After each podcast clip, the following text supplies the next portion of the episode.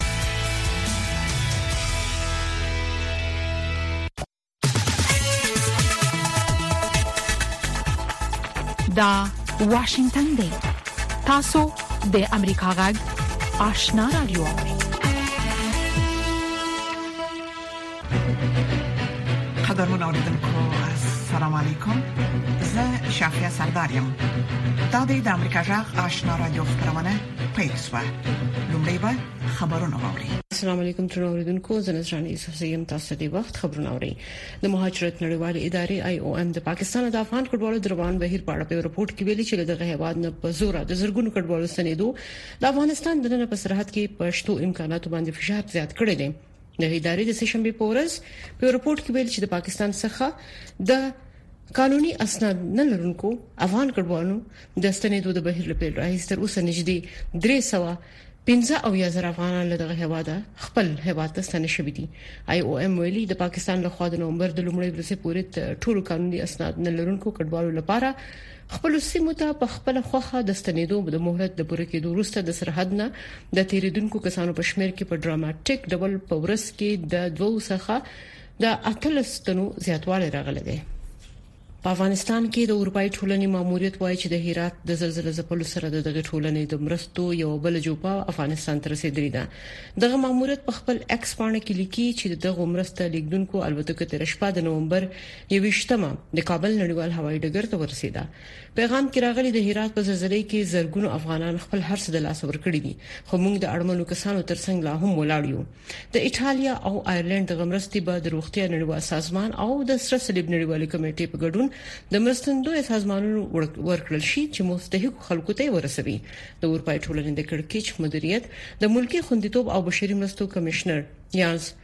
په ایکس ټولنیزه شبکه کې ویلي چې دغه مرستې به په افغانستان کې د ورستیو زلزلې ځپلو په لاس نیوي کې ډېره مرسته وکړي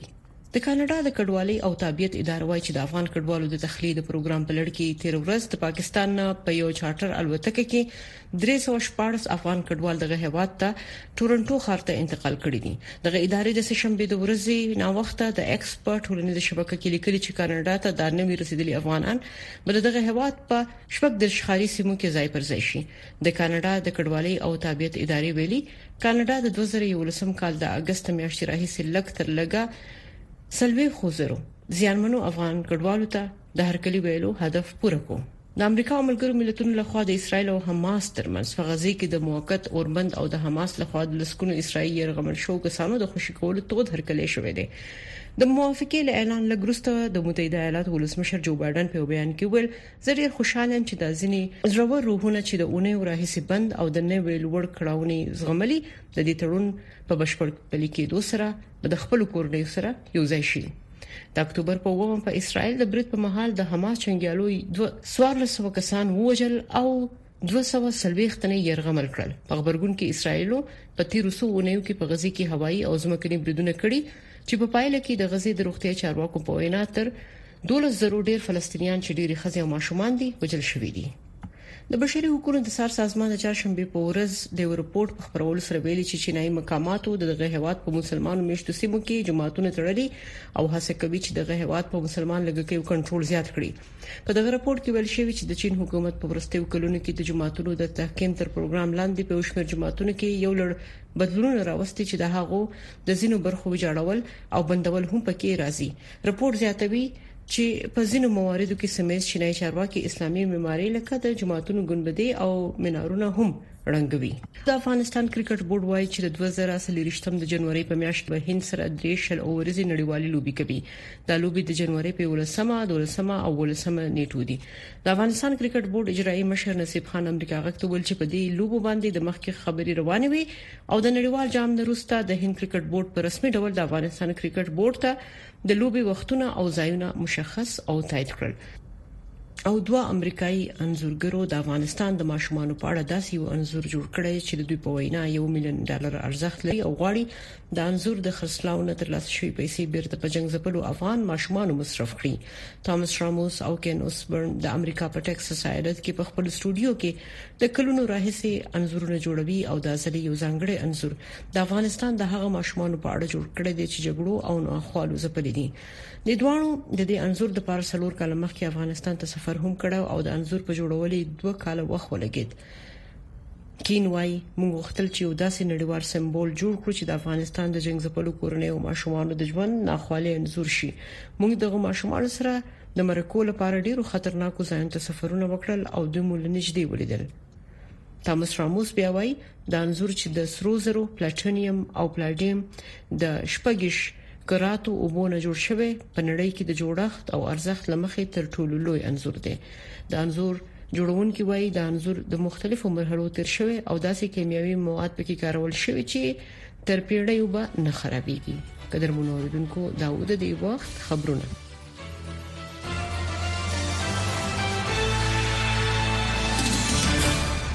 خبرونه مو د امریکا جغ آشنا رادیو څخه واوریدل قدرمن اوریدونکو زموږ په دې سهارنۍ پښتو خبرونه کې د افغانستان سیمه او نړۍ د اوسنیو حالات په اړه کې مهم مطالب او مرکې لرو او د امریکا جغ سر مقاله هم اوریدلای شئ خو لومړی به دا راپورټ واوري چې د پاکستان او افغانستان ترمنځ د تورخم دروازه د ترانزیت او سوداګریزو کانټینرو لپاره تر 8 ساعته تړل کېدو وروسته بیرته پرانستل شوه په یاد دروازه پاکستان ته تلونکي افغان موټروانان وایي دوی ته د پاکستان ویزه نه ورکول کیږي او که د هغه هیواد ویزه ته درخواست وکړي نو په میاشتو میاشتې به انتظار ورته کوي خدای نور ناصر په دې باره کې راپورټ لري په تورخم کې چارواکي وايي د ترانزیت او مال وړونکو کانټینرو لپاره پرون تر 8 ساعته تړل کېدو وروسته یاده دروازه بیرته خلاصه شوې او لا هم د مال وړونکو ګاډو موټروانان بې له ویزې او پاسپورټه تګ راتګ کوي. په دغه دروازه تلونکي او راتلونکي موټروانان وايي، دوی له کلونو کلونو په تذکرو او پېژندپاڼو سفر کاوه او د ویزو شرط به یې له ګڼو ستونزو سره مخامخ کړي. مونږ ډریوران چې یو بوږي به هر وخت په تکلیف کې که هغه حکومتي او که دا حکومتي مونږ له یو شی دی خو زور ډریور له وځي. او بل دا خبره ده چې ویزه خو مونږ اخلو ولې نه اخلو مونږ لکه دا حکومت ویزه راکې مونږ له هغه دا کاغه راکې مونږ له هغه دا خدا دغه د پوښل چې سولیت موږ له د شي چې په تورخم کې موږ له ویزه را کول شي نو دا به موږ له ډیر دغه شي اسانتیا شي وروره د ویزې شرط خو صحیح ده ویزه واخله ویزه راته وایسي ویزه لازمي ده ملته چې بل ملته سړی زی ویزه باید ولګوي د څه کوم نه کیږي چې ته ما چې ویزه ویزه کوم کوم ځای زول کوم دا ما ته ځای وخی ځای مقرر کیږي چې ته زور سم ویزه ول کوم ما تقریبا دوه میاشتې مخکې اپلای کړو زه پورې ما ویزه نه دراغله چې ته ما ته په درې سلو میاشتې کې ویزه راکې دا غړې به چیرې دوه درې درې سلو میاشتې زوجي کې درو ملته به ولاړ چې ویزه سو پورې معنی راغلی محترم دا څه کار دی چې من خو افغانان یو کا خواله شو خو څوند سره مخې چې دی خو را شو دی خو څوند سره مخې دا یو ګاډن دی دوه ګاډي نه دی په زرا و ګاډي دی دی خو چې راوړو وای ته ویزه ولګوي پاسپورتونه اول خو ویلې وې پاسپورت نه نوي کوي پاسپورت نه چا نوي کړي دا غون ویزه نشته خو پاسپورت هم نوي کوي ویزه نشته څه به کوو پاکستان د نومبر له لومړۍ نیټې په چمن او تورخم کې د تګ راتګ لپاره د وان ډاکومنټ رژیم اعلان کړی چې وایي هیڅوک به هم له دې وروسته بې له پاسپورټ او ویزې تګ راتګ ونه کړي خو د دغه اعلان پر ضد په چمن کې ځایي ولس او تجارانو له تېرې څه باندې یوې میاشتې راهیسې پرلت وهلی او غوښتنه یې دا ده چې د دوی لپاره تګ راتګ دې د پخوا په څېر په تذکره او پېژندپاڼه شي. خدای نور ناصر، امریکا غږ، اسلام آباد. انتظار پای ته ورسید. درنو لیدونکو او اوریدونکو تاسو کولی شئ د امریکا غږ ټلویزیونی او رادیوي خبرونه د یاشر ساتلایت له طریقو وګورئ او واورئ د نوي ساتلایت لارې تاسو د آشنا اتصال او کاروان ټلویزیونی خبرونه کتلای هم شئ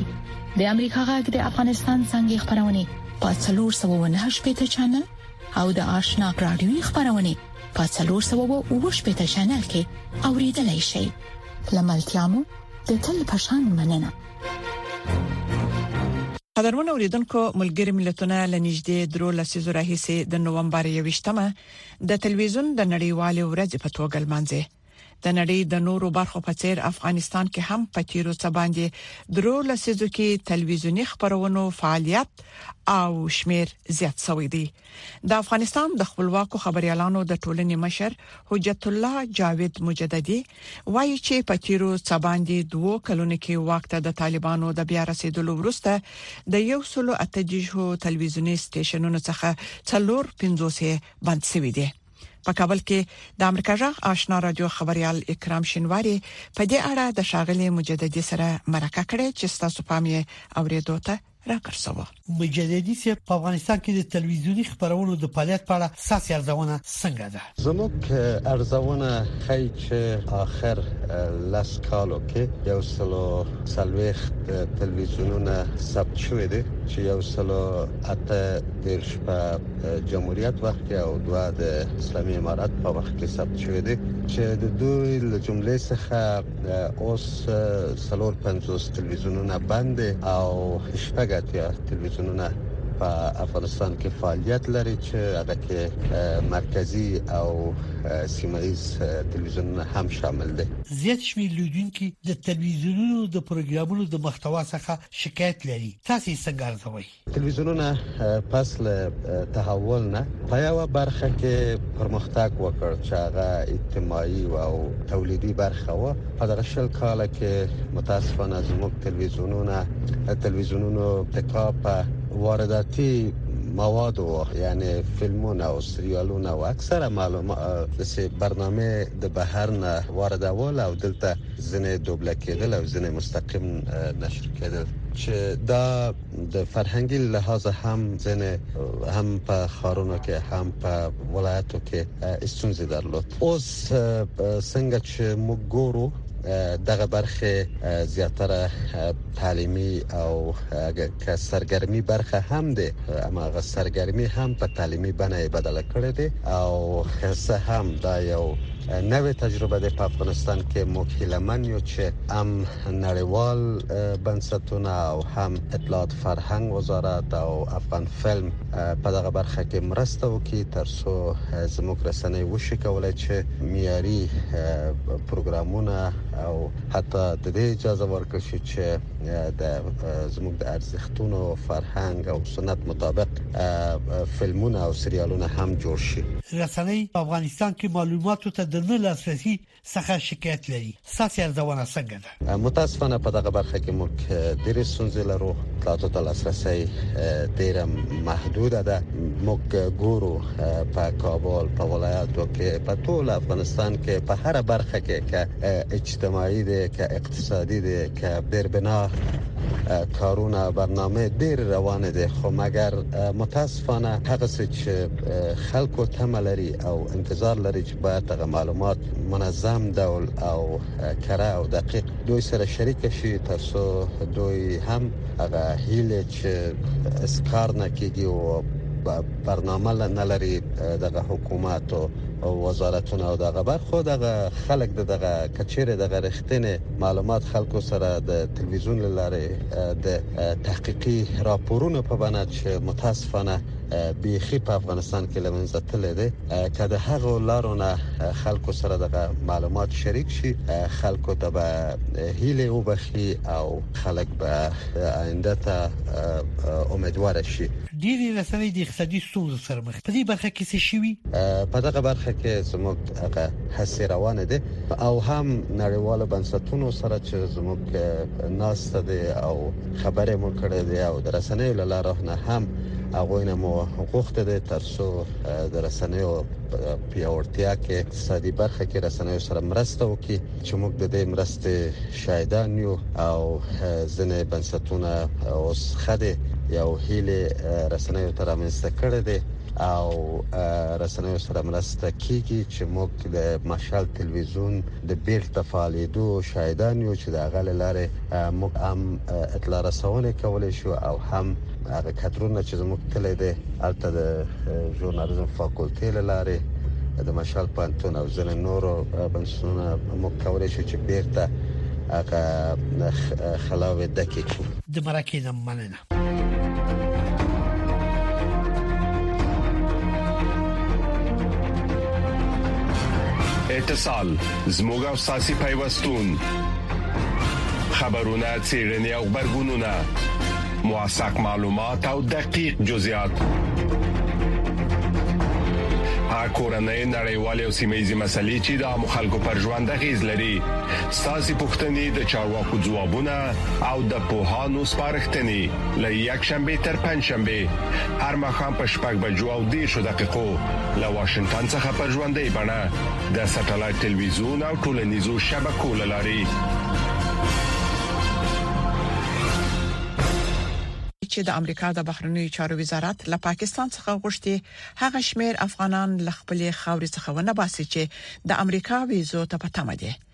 د امریکا د بهرنیو چارو وزارت ویاند میتو میلر وایي د پاکستان په ګډون د افغانستان په ټولو گاونډیو هیوادونو یې غږ کړی هغو افغانانو ته د اوسېدو اجازه ورکړي چې د نړیوال خوندیتوب په لټه کې دي په دې ورستیو کې پاکستان له خپل خاورې د سلګونو زرو افغانانو جبري استل پیل کړي چې په هغه هیواد کې د قانوني اسنادو د لیدونکو کسانو د استلو په اړه هم اندیشنې پیدا شوې دي نور تفصيل پر پور کې ووري د امریکا د بهرنیو چارو وزارت ویان ماتیو میلر وایي د پاکستان په ګډون له ټولو هیوادونو غوښتي چې د کډوالو او پناه غوښتونکو پر وړاندې خپل مسولیت ادا کړي خاغلی میلر د امریکا د بهرنیو چارو په وزارت کې پیوي خبري غونډه کې ویل چې د افغانستان د گاونډي هیوادونو څخه په کلکه غوښتي هغه افغانان ته د اوسېدو اجازه ورکړي چې د نړیوال خوندیتوب په لټه کې دي زموږ اساسي اندېښنه د زیانګالو او د خطر سره مخ افغانانو خوندیتوب دی. موږ په دې باور یو چې دا د دواړو هېوادونو په ګټه ده چې په خوندي او اغېزناکه توګه د کډوالو او پناه غوښتونکو د بیا مېشت کېدو په اړه ډاډ ترلاسه کړو. د کډوالو په چارو کې د ملګرو ملتونو عالی کمشنرۍ د پاکستان پر پریکړې چې کډوال باسي اندېښنه خوده ده ملګری ملتونه وایي د پریکړې په هغو افغانانو هم منفي اغیز کړي چې راجستر شوی او قانوني اسناد لري دا هیڅ کله منطقي نه ده چې په دومره تعداد سره مهاجرین په دغه کم وخت کې چې پاکستان حکومت کوم ټایم ټیبل وته ټاکلی افغانستان ته ستانه شي او دلته ځای په ځای شي تاسو ته معلومه ده چې یو خواته ژمی را روان دی افغانستان کې ژمی اکثریت مناطق داسې دي چې ډیر یخ دي دا د کراچۍ ښار لویدیز دی دلته په سلګونو زره افغان کډوال اوسېږي پاکستاني پولیسو افغان کډوالو پسې کور په کور لټون پیل کړی دی تیر میاش پاکستان ویل چې څه باندې یو میلیون غیر قانوني کډوال به له خپل خاورې وباسي چې افغانان هم پکې شامل دي د اکتوبر میاشتې لومړۍ نیټې راهیسې څه باندې 380 زره څخه زیات افغانان له پاکستان څخه وتلي دي فوجان بم راته ملیشه بم راته ورو پولیس بم راته ټول براته اته د مون کورونه د مون مال د مون حال هر سال ته پای په لوډرو باندې خراب کړ د مهاجرت نړیوالې ادارې یا آی او ایم له پاکستان څخه د افغان کډوالو د ایستلو د روان بهیر په اړه په یو راپور کې ویلي چې له دغه هیواد څخه په زور د زورګونو کډوالو ایستلو د افغانستان دنه پښته امکاناتو باندې فشار زیات کړی دی وحید فیضی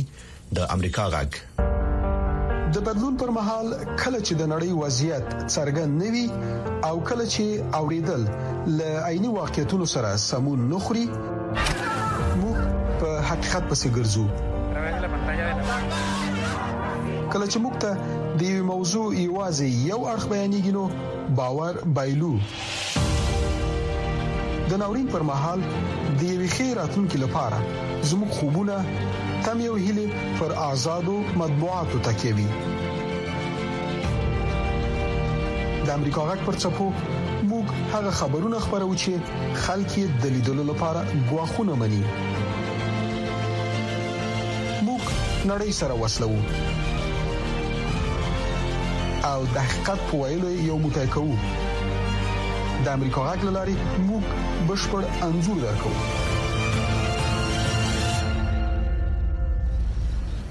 او د پاکستان څخه افغانستان ته ستنې سوي کورنۍ د خپل شزینه اولادونو تعلیمي برخه ته اندیشمن دي او وايي هله لري چې طالبان دې د جنو شونځي ته اجازه ورکړي ګڼ افغان کډوال چې په پاکستان کې اوسېدل بچانې به تعلیمه پاتې سوي وایي د پاکستان حکومت ورته شونځي کې د شمولیت اجازه نه ورکوله خو وایي طالبان د پاکستان غوندي چلن نه کوي او باید د جنونو شونځي او پوهنتونونه هم پرانیزي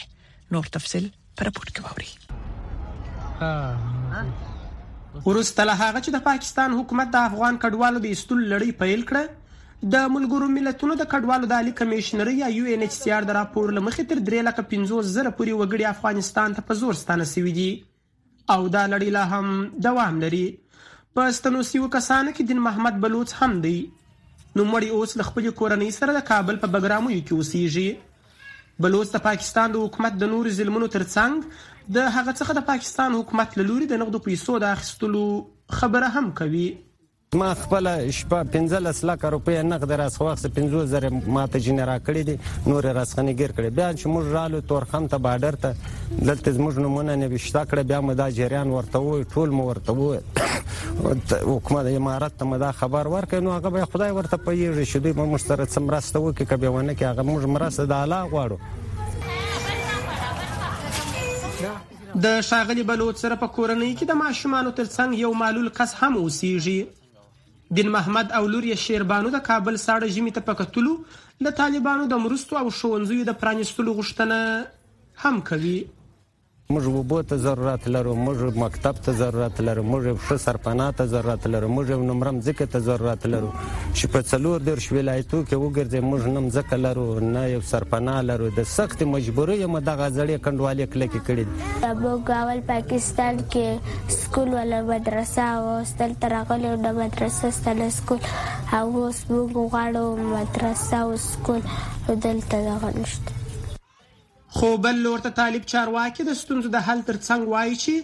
د بیرته ستنو شوي هیوادوالو لپاره د دوی د استعداد سره سم د سمو دندو د رامنځته کولو هڅه کوي.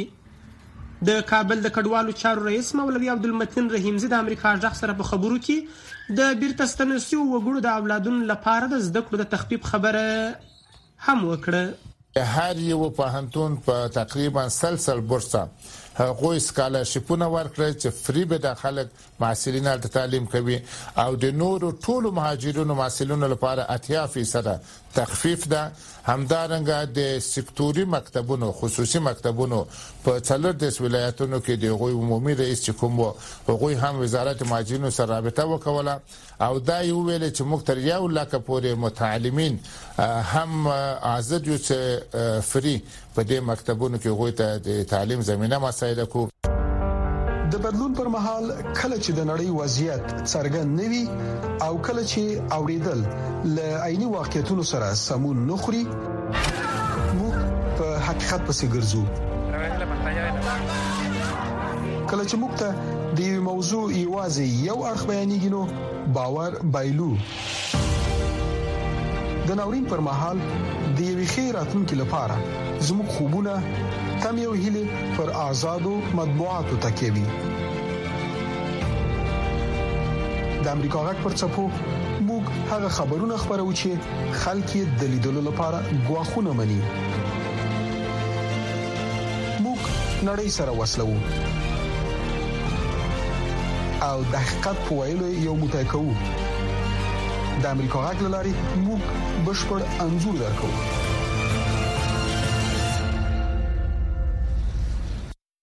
د امریکا په متحده ایالاتو کې بیا د کال هغه وخت دی چې خلک د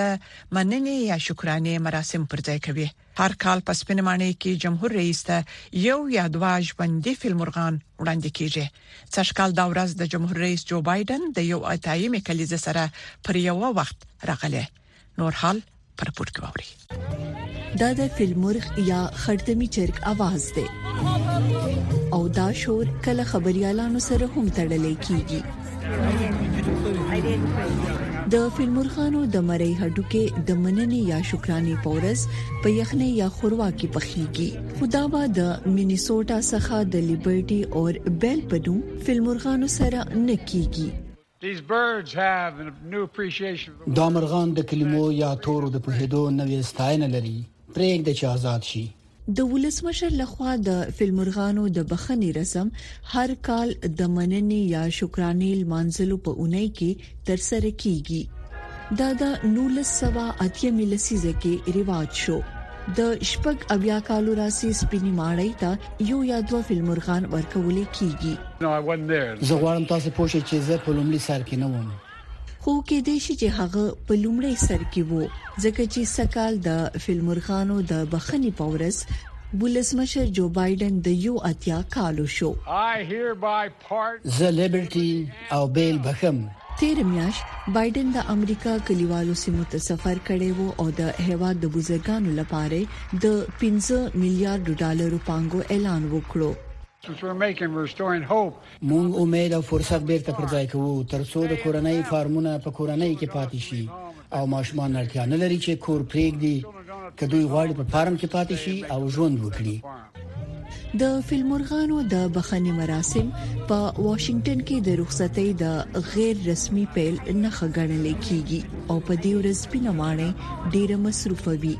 شیناز نفیس امریکا غږ واشنگټن او اوس په امریکا غږ سر مقاله ووري چې د امریکا د حکومت رسمي نظر څرګندوي پرمختګ هغه شعار و چې د جمهور رئیس جوی بایډن لخوا استعمال شوی و چې د چین جمهور رئیس شي جی پینګ سره د خپل ملاقات ځانګړنه و دغه دواړو مشرانو په یو کال کې د لومړي ځل لپاره ملاقات وکړ دا ملاقات د اسیا پیسفیک د اقتصادي عالی غونډې په څنګ کې کړو اوس د هغه بنسټ په باره کې اساس ایښودل شوی دی چې زموږ د ټیمونو ترمنځ د لوړې سطحې ډیپلوماسۍ په تیرو څو میاشتو کې ایښی و. زه په دې عقیده یم موږ ځینې مهم پرمختګ وکړ. د جمهور رئیس بایډن لخوا د موافقې لومړۍ موضوع یاده شوله چې د مخدره موادو ضد په باره کې د همکارۍ بیا پیل کېدل دي په خاصه توګه د هغو کیمیاوي موادو او تجهیزاتو په باره کې و چې د مرګاني مخدره موادو فنتالین په تولید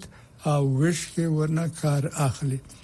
موږ اقدام کوو چې د یادونې وړ د مخکنیو کیمیاوي موادو بهیر کم کړو او له چین نه لویدیځې نیمې کورې ته د ګولیو فشار کم کړو دا به ژوند وژغوري او زه د دې موضوع په اړه کې د جمهور رئیس شي د ژمنې قدرداني کوم جمهور رئیس شي او ما خپل ټیمونو ته وظیفه ورکړې ده چې پالیسي او د قانون د تطبیقولو همکارۍ ته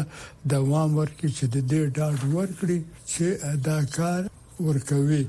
د موافقې دوهمه ساحه چې جمهور رئیس بایډن یې په انتقادي توګه مهمه ګڼي د پوځ ترمنځ د لوړې سطحې د تماسونو پیل کول دي موږ مستقیمې پرانستې څرګندې مستقیمې مکاتبې ته بیرته راغلي وو په هرې خوا باندې غلط سنجش د چين يا بل هر مهم هېواد سره د واقعي ستونزې سبب کېږي او ځکه نو زه فکر کوم موږ په دې برخه کې واقعي پرمختګ کړی دی. درېيم، دواړو مشرانو موافقه وکړه چې د دوی د هېوادونو متخصصان به ملاقات وکړي چې په هغو خطرناکو او محفوظو موضوعاتو باندې خبرې وکړي چې د مصنوعي استخباراتو سره تړل شوی وي جمهور رئیس بایدن ویل دا په صحیح لوري کې رښتینه اقدام دی چې پریکړه وکړي چې څه شي ګټور دي او څه شي ګټور نه دي څه شي خطرناک دي او څه شي د منلو وړ دي جمهور رئیس بایدن څرګنده کړه چې د جمهور رئیس د اوکراین ان په خلاف د روسیې د جنګ او په غزه کې د جنجال په شمول په یو شمېر نړیوالو موضوعاتو په باره کې نظریات تبادله کړل او لکه څنګه چې زه همیشه دا کار کوم زه هغه په هغه ساحو باندې خبرې کوم چې امریکا د جنوبي چین په سمندرګي کې د توقيفولو او د امریکایي اتباعو په وتلو باندې د بندیز د لګولو د بشري حقوقو او د بیرحمه فعالیتونو په شمول د پی آر سی اقداماتو په باره کې امریکا اندېښنې لري د تایوان په تنګیو کې د سولې او ثبات په اهمیت باندې هم ټینګار کوم جمهور رئیس بایډن ویلي د جمهور رئیس سره غونډه نړۍ ته د امریکا د ډیپلوماسۍ مهم اړخ هم څرګندوي، موږ خپلو سیالانانو ته خبرې کوو، موږ د یو بل سره رډ ویونکي یو، ځکه نو ناغلط تفاهم یو مهم عنصر دی چې نړیوال ثبات ټینګ شي او د امریکا د خلکو لپاره او وړاندې کوونکی دی. تاسو د امریکا غږ سره مقاله واوریده چې د امریکا د حکومت رسمي نظر یې څرګند کړ. درنو اوریدونکو زموږ د خبرونه په همدې ځای پای ته ورسیده. د امریکا غږ آشنا را دوه خبرونه دوام لري. ستاسو ټول څه مننه چې زموږ خبرونه اوري.